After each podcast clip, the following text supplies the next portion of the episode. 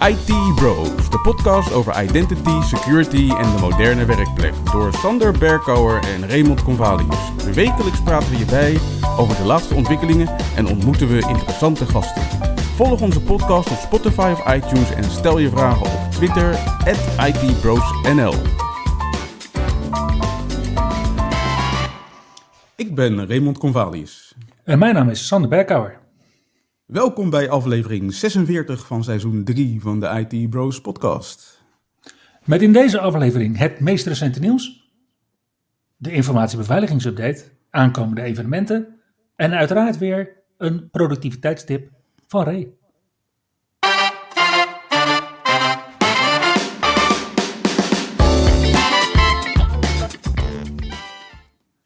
En om onze luisteraars weer heerlijk in een relaxed mood te krijgen, beginnen we natuurlijk met het Windows 11 nieuws.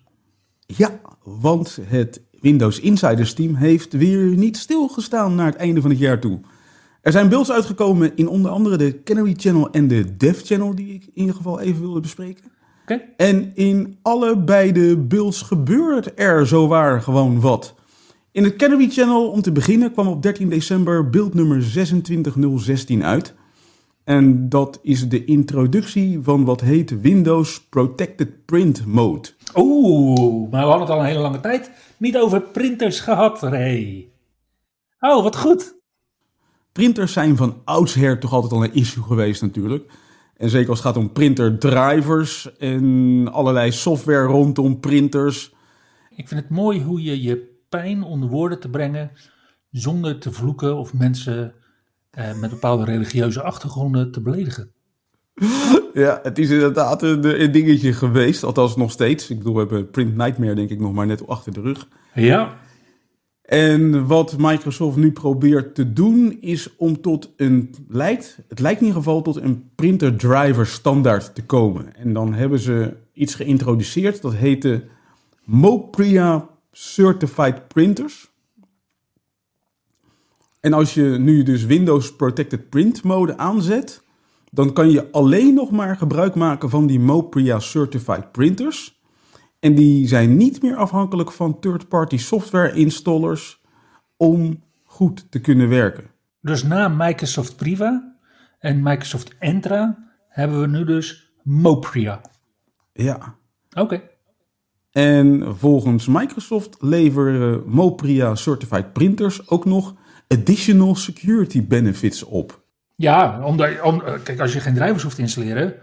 Als je, als je kijkt wat sommige van die printerdrivers doen.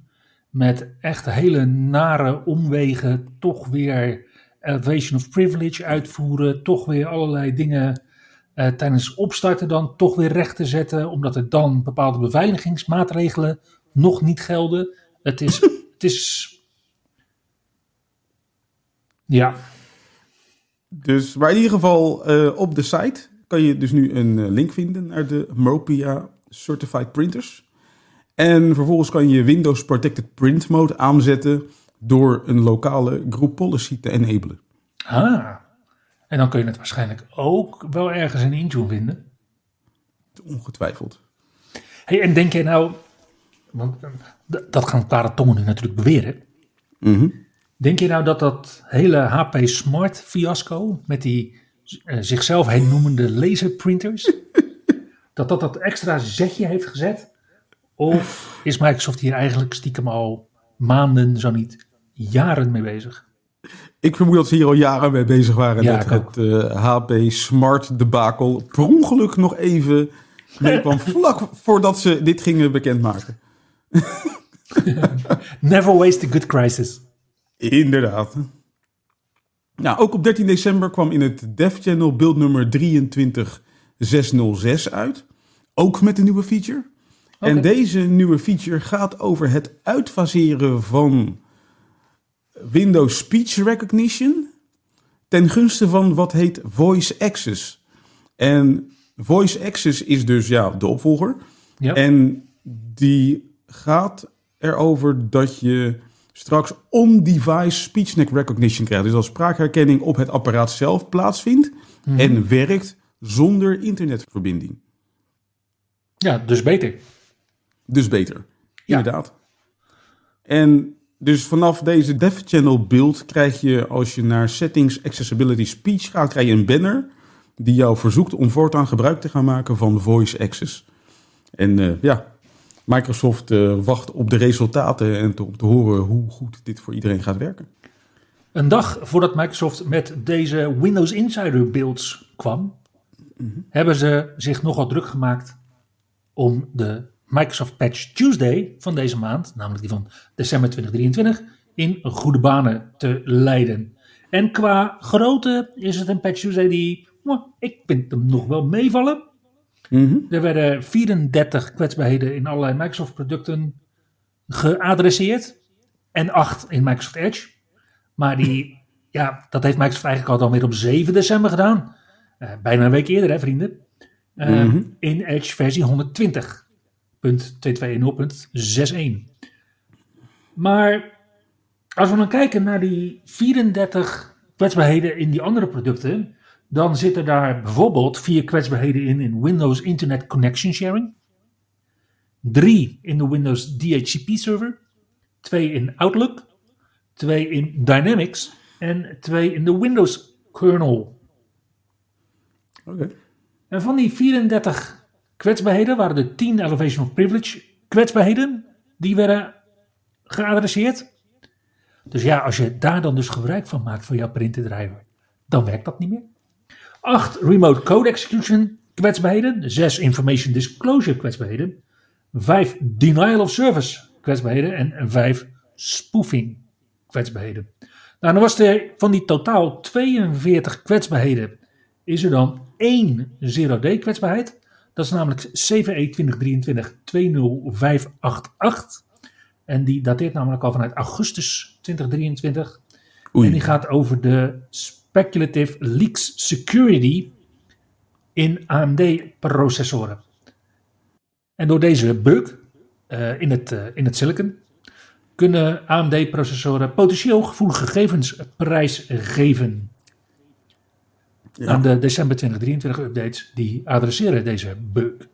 Oké, en kwamen er dan ook nog nieuwe features mee met de Patch Tuesday deze maand? Uiteraard, want de kerstman komt vroeg dit jaar. Als je op Windows 10 de december 2023 updates installeert, dan ga je naar versies 19.044.3803 of 19.045.3803.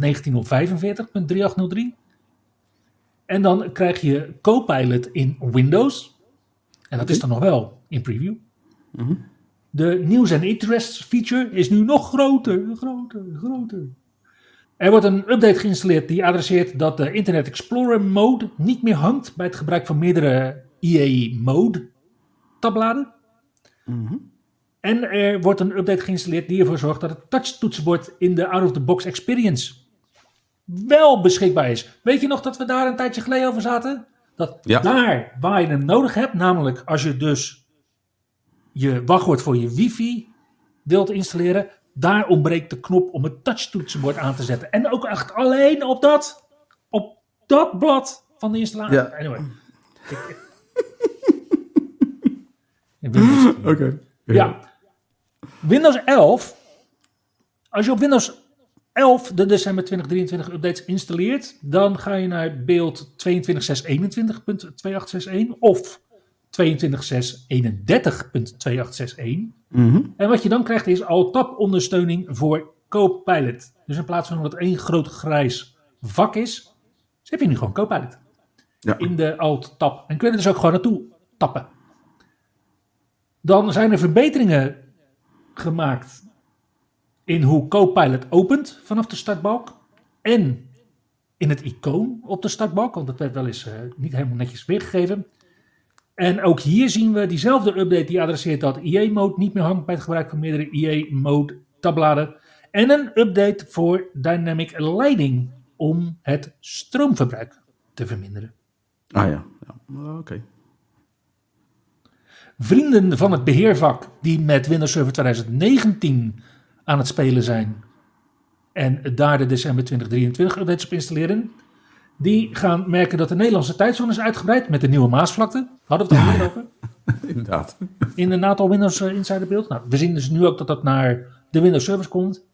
En de Defender for Endpoint ondersteunt nu Conditional Access op Windows Server 2019.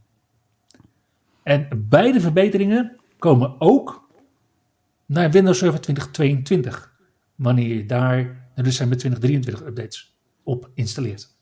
Ja. Nou, nu was dus uh, Microsoft op 12 december met de patch Tuesday. Ja, en 13 december met de Windows Insider build.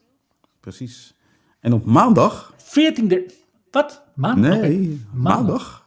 Maandag 11 december. Toen kwam Apple namelijk met iOS versie 17.2. Hmm. Nou ja, Apple moest natuurlijk, voordat alle stof ging opwaaien van Microsoft, alvast komen met hun update. En iOS 17.2 brengt ook wat nieuwe functionaliteit met zich mee. Namelijk de dagboek-app. Mm En daarmee gaat iOS je helpen om een samenvatting te maken van je dag. En dat doet hij onder andere door gebruik te maken van je locatieinformatie over de dag heen. Waarbij ik moet benadrukken dat alle informatie die de dagboek-app daarvoor gebruikt, lokaal op je apparaat blijft. En dat je de toegang tot de dagboek-app kunt configureren met Touch ID of Face ID. En nagelang de hipheid van je iPhone-toestel. Ja, inderdaad. Heb je dan nog een wat oudere iPhone 13 of iPhone 14, dan is het ook wel heel handig om iOS 17.2 te installeren. Want daarmee stijgt het laadvermogen, wanneer je MagSafe gebruikt, naar 15 watt. Wat? Ja, 15 watt. en de iPhone 15 Pro en iPhone 15 Pro Max, die kunnen nu het Spatial Video formaat gebruiken voor opnames. Nou, daar ga ik dan binnenkort maar eens een keer mee spelen. Ja. Ondertussen is er ook nog wat onderzoek gedaan naar Mac. Het schijnt namelijk dat, nou ja, Apple verkoopt nog steeds zeg maar zijn instapmodel van de Mac met 8 gigabyte RAM. En als ik me niet vergis, kost dat ding ruim boven de 1000 euro als je een MacBook M1, M2 of M3 koopt. Een M3 met 8 gigram? Ja. Really? Really. Wauw, oké. En Apple zegt dan dat een MacBook met 8 gigram analoog is aan een Windows PC met 16 gigram. Nou ja, dat gelooft niet iedereen. En YouTube-kanaal MaxTech dacht, nou, dat laten, we dan, laten we dat dan maar eens een keer gaan testen. Hè? Dus die pakte een MacBook Pro 14 met 8 gig en zette die naast een 16 gig Lenovo Legion Windows laptop. En gingen gewoon even testen. Dus ze opende Google Chrome met 10 tabbladen. En gingen kijken van wat gebeurt er nu? Nou, op een Mac eh, betekende dat meteen dat die Mac eh, 400 MB memory ging swappen naar zijn SSD. Ja, maar nu lijkt het net alsof je, alsof je Chrome in een slecht daglicht wil, wilt stellen. Kijk, natuurlijk, dan gaat een Mac dus 400 meg uh, swappen op zijn SSD. Maar wat doet zo'n Legion dan met 16 gig op dat moment? Uh, niks. Oké. Ja, kijk, dat, dat, is het nieuws, dat is het nieuws wat we willen weten natuurlijk. Ja, en ondertussen gingen ze dan ook even testen met Lightroom. En Lightroom werd al iets trager, zeg maar, met die 10 tabbladen. Vervolgens gingen ze dezelfde test doen, maar dan met wat ze noemen heavy duty multitasking. Door, door verschillende uh, plaatjes te openen en een video editing app. En vervolgens weer die Lightroom test te doen. Mm -hmm. En toen werd Lightroom ongeveer 2,5 keer langzamer dan wanneer je het gewoon opstart zonder dat er iets is gestart op die MacBook. En tegelijkertijd zie je dat de performance op die Windows laptop zo goed als niet vertraagde voor Lightroom. Wanneer al die plaatjes en video editing apps werden geopend op de achtergrond. En dan is het natuurlijk gewoon, ja, het is natuurlijk al dat die claim van Apple gewoon niet klopt. Dat 8 gig analoog is aan 16 gig op mm -hmm. Windows. Wat nog veel vervelender is, is dat als je een MacBook koopt met 8 gig, is dat je RAM vastzit in je CPU en niet uitgebreid kan worden. In je CPU of op je moederbord? Het zit in, de, in je silicon. Oké, wauw. Oké. Daarom, daarom zijn die CPU's ook zo rap van Apple. Hey, ik snap het. Zodat ze stoppen dat in memory gewoon erbij in die die, zodat het allemaal ja, super snel allemaal met elkaar kan communiceren. Maar dan moet je dus wel zorgen dat je in één keer goed kiest qua memory. Want als je te weinig memory hebt gekocht, ga je het niet meer kunnen uitbreiden tenzij je een nieuwe Mac aanschaft. Ja. Of je moet geen Chrome draaien en niet uh, heavy duty multitasken. maar ja, dan kan je ook een 8 gig Windows laptop gebruiken. Ja, precies. volgens, mij, uh, volgens mij doet zo'n uh, Surface Go met 8 gig niet ergens iets in de buurt van 1000 euro. Tenminste, de laatste keer dat ik keek. Nee, nee, niet bepaald nee. Maar ja, of je Chrome nog moet blijven gebruiken is ook maar de vraag. Want ik zag van de week zag ik een waarschuwing voorbij komen van Tom Arbuthnot op X. En Tom is een van onze collega-MVP's. En die begon te waarschuwen dat Google vanaf januari begint met de, wat ze noemen, gradual rollout van private sandboxing. Ja. En dat is blijkbaar is dat een soort van extra zware security feature in Google Chrome. Super. Maar die heeft tot Super. gevolg dat de Teams webapp een beetje stuk gaat. Ja, ja dat, daar hoorde ik ook dingen van. Ja, dus dat gaat er onder andere toe leiden dat als jij de Teams webapp gebruikt, dat je binnen 24 uur moet blijven klikken in Teams om ingelogd te blijven. Anders moet je opnieuw inloggen. Verder loop je kans dat allerlei wat heten embedded experiences stuk gaan. Dus allerlei apps in uh, Teams. Mhm. En die moet je dan vervolgens gaan openen in aparte browser-tabbladen. En ja, die private sandboxing feature die gaat er ook toe leiden dat de Teams chat in de Outlook web app ja, daar gevolgen van gaat ondervinden. En dat het ook gevolgen gaat hebben voor Dynamics 365 en het share to Teams in Outlook. Dus ja, al met al uh, niet zo fijn. Als je beheerder bent van Chrome, dan kan je gebruik maken van de block third-party cookies feature of policy. En de cookies allowed for URLs policy om deze impact als gevolg van private sandboxing te voorkomen.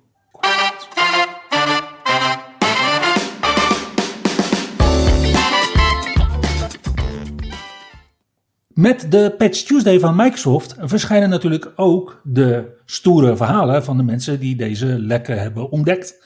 En waarom mogelijk sommige updates van Microsoft bijvoorbeeld hun lek niet 100% dichten. Maar wat er bijvoorbeeld ook gebeurt, en dat doet Google's Zero Day Initiative nu, is dat zij waarschuwen dat het lek in het MS HTML-platform, dat onder andere door Outlook uh, wordt gebruikt, met rugnummer 7E 2023 35628, best wel eens makkelijk misbruikt kan gaan worden. Want als je dit lek weet te misbruiken, zou je een malafide e-mail kunnen sturen naar iemand. En op het moment dat Outlook dan dat mailtje verwerkt, dus niet wanneer je hem opent, maar wanneer je hem verwerkt, dat hij dan al de machine kan infecteren. Oeh. Daarom verwacht ZDI grootschalige misbruik.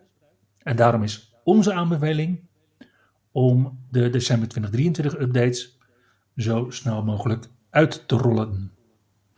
Lijkt me wel zo verstandig als ik dit zo hoor. Niet alleen ZDI waarschuwde deze week, maar ook Microsoft zelf. En wat Microsoft ziet, is dat OAuth-apps worden misbruikt voor persistence en financieel gewin. Nou, een stuk een hele mooie headline. Maar waar het mm -hmm. eigenlijk op neerkomt, is dat aanvallers, wanneer ze één user-account in een organisatie hebben gecompromitteerd, een keuze moeten maken. Van ja, wat, wat, wat doe je dan? En dan zijn er ja, eigenlijk drie richtingen waar je heen kunt. En de eerste richting is dan natuurlijk persistence. Dus hoe kun je onontdekt blijven doorwerken? Mm -hmm. En dan kun je natuurlijk uh, aan de slag gaan met uh, inventory en lateral movement. Dus mm -hmm. Op zoek gaan naar meer accounts met meer rechten. Of je kunt natuurlijk gelijk tot actie overgaan. Of iemand anders jouw toegang geven, zodat diegene tot actie over kan gaan. Mm -hmm. door bijvoorbeeld uh, door je af te vragen welk financieel gewin je kunt onttrekken. aan die organisatie. Ja.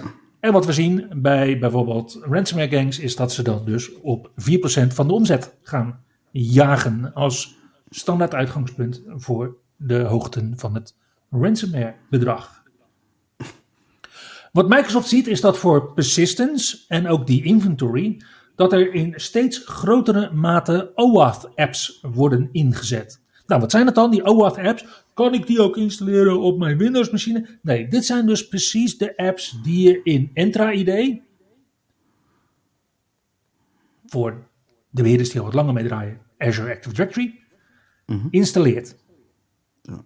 En wat ze dus doen, Microsoft heeft zo'n kwaadwillende opgespoord. Die heeft dus een hele mooie multi-tenant app geschreven. En die zagen ze dus in 17.000 tenants geïnstalleerd. Oei. Dus die had gewoon al 17.000 slachtoffers, waar hij in ieder geval ja, persistence had. En het was een app met, ja, als je er vanaf een afstandje naar kijkt, redelijk onschuldige permissies heeft. Namelijk mail.readwrite en people.read. Dus die application registration, die service principal in Entra ID, die heeft gewoon hele kleine, relatief API-permissies gekregen. Maar het is precies wat je nodig hebt voor persistence. Want als jij mail.readwrite hebt, ja, dan kan je basically iemand zijn mailbox overnemen. Je kan dan mail sturen als iemand, maar je kunt ook inkomende mails die aan bepaalde voorwaarden voldoen, als hey, waarom loop je met spammen, gelijk kunt verwijderen.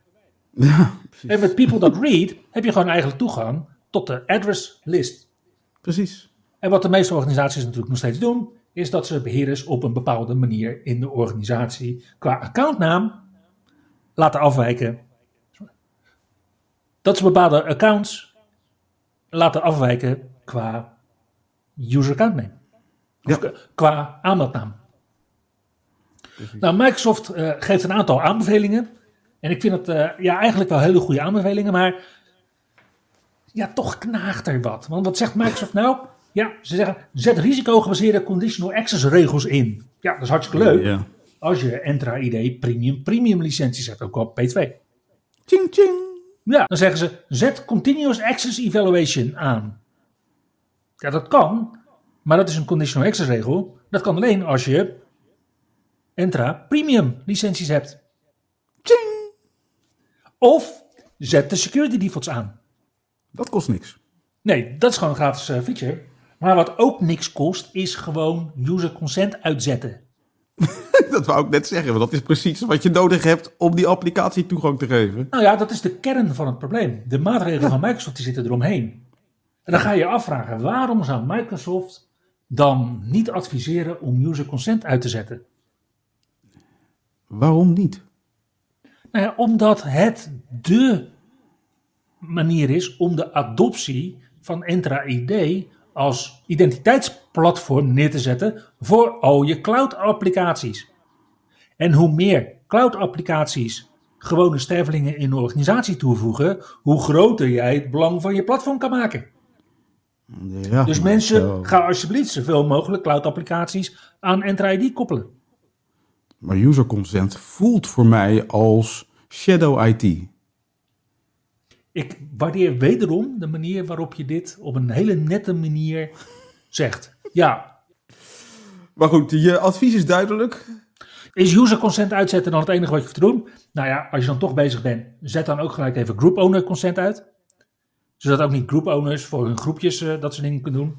En ja, dan is het toch wel heel erg vervelend als mensen toch die ene bijzondere app die ze echt, echt, echt nodig hebben, Polly bijvoorbeeld, niet kunnen gebruiken. Dan kan je natuurlijk ook nog steeds de admin consent workflow aanzetten, zodat ze een geldige reden kunnen omgeven waarop ze dit absoluut nodig hebben voor hun productiviteit deze vakantiedagen.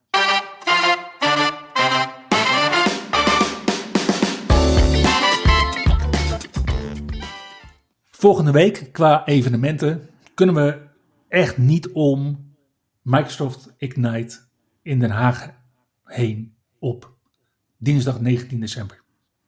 Inderdaad. Als je nog niet hebt ingeschreven, sorry, je bent te laat. Er is een gigantische wachtlijst voor dit evenement. Waar je wordt bijgepraat over wat Microsoft te melden heeft gehad op Ignite in Seattle afgelopen november. En uiteraard kan je daar geweldig netwerken. Je kan uh, ja, collega's ontmoeten, partners ontmoeten, Microsoft leaders. En uh, ik ben er ook. Laat je vooral bijpraten over de laatste innovaties wat betreft AI. Want uiteraard, AI slaat de klok. En uh, alle co-pilots komen je ongetwijfeld tegemoet na dinsdag. Ben je nou net als ik iemand die geen kaartje heeft voor Ignite in het World Forum in Den Haag? Dan kun je ook ervoor kiezen om van 5 uur middags tot 10 uur s avonds af te reizen naar de Belgische Microsoft-vestiging in Brussel voor een avond van MC2MC. En dat is dan niet DJ Ray en companen, maar de Microsoft Cloud en Client Management Community. Om vijf uur start de voedertijd en die loopt tot half zeven. Daarna is er een sessie van Ken Goossens en Tim de Koekelare over de Ultimate Windows Update Troubleshooting Session. Dan om half acht tot net iets voor half negen een sessie door Michael van Hoornbeek. Gevolgd door een kleine break en die ga je dan nodig hebben. Met als laatste sessie van kwart voor negen tot net na half tien. Hoe je Defender voor Cloud inzet in een multicloud omgeving door Aria Ragazzi. En daarna is er natuurlijk drinken en dat is op zijn Belgisch met bier. En als je dan nog niet genoeg hebt gehad, kan je op woensdag 20 december van 6 tot 9 uur aansluiten bij Hack the Box in het Newton House in Utrecht. Daar starten ze om 6 uur met ja, toegang tot het evenement en een hapje te eten. Om 7 uur presenteert Maarten Goed 52 minuten lang over de route naar ransomware en de vraag: Is your defensive team ready? Daarna om 8 uur nog een presentatie van Jorian Wolter, Practical CTF, oftewel Capture the Flag. Om 9 uur is dit evenement afgelopen.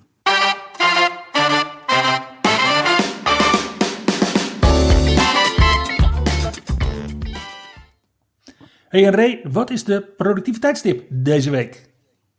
Nou, deze week wilde ik het hebben over een feature die misschien soms al is, is opgevallen dat als jij een Teams meeting hebt met collega's en die collega doet een handgebaar, bijvoorbeeld een duim omhoog of een duim omlaag, of twee duimen omhoog, dat er opeens allerlei video-effecten voorbij komen in die Teams-sessie. Mm, nee. Oké, maar dat blijkt een feature te zijn van macOS. Ah. Dus als jij macOS gebruikt met bijvoorbeeld FaceTime of Teams en jij maakt een handgebaar voor de camera, bijvoorbeeld je maakt een hartje met twee handen, dan vertaalt de Mac client dat handgebaar in een video-effect. En zo kan je dus bijvoorbeeld vuurwerk uiteen laten spatten door twee duimen omhoog te houden regen naar beneden laten komen door twee duimen omlaag te houden. Of gewoon een duimpje omlaag te laten zien in Teams door één duim omlaag te houden. Of een duimpje omhoog door één duim omhoog te houden. Hartstikke leuke feature, maar dus nog niet voor Windows, maar wel op macOS met Teams. En hoe ziet dat gebaar eruit voor een hartje? Dat is uh, dit, dat je zo zeg maar je handen zo voor je houdt. Ah, ik ook voor jou, Ray. Met je vingers gebogen. Dankjewel, Sander. en met deze Brother Love komen we aan het einde van aflevering 46 van seizoen 3 van de IT Bros podcast. Dankjewel voor het luisteren.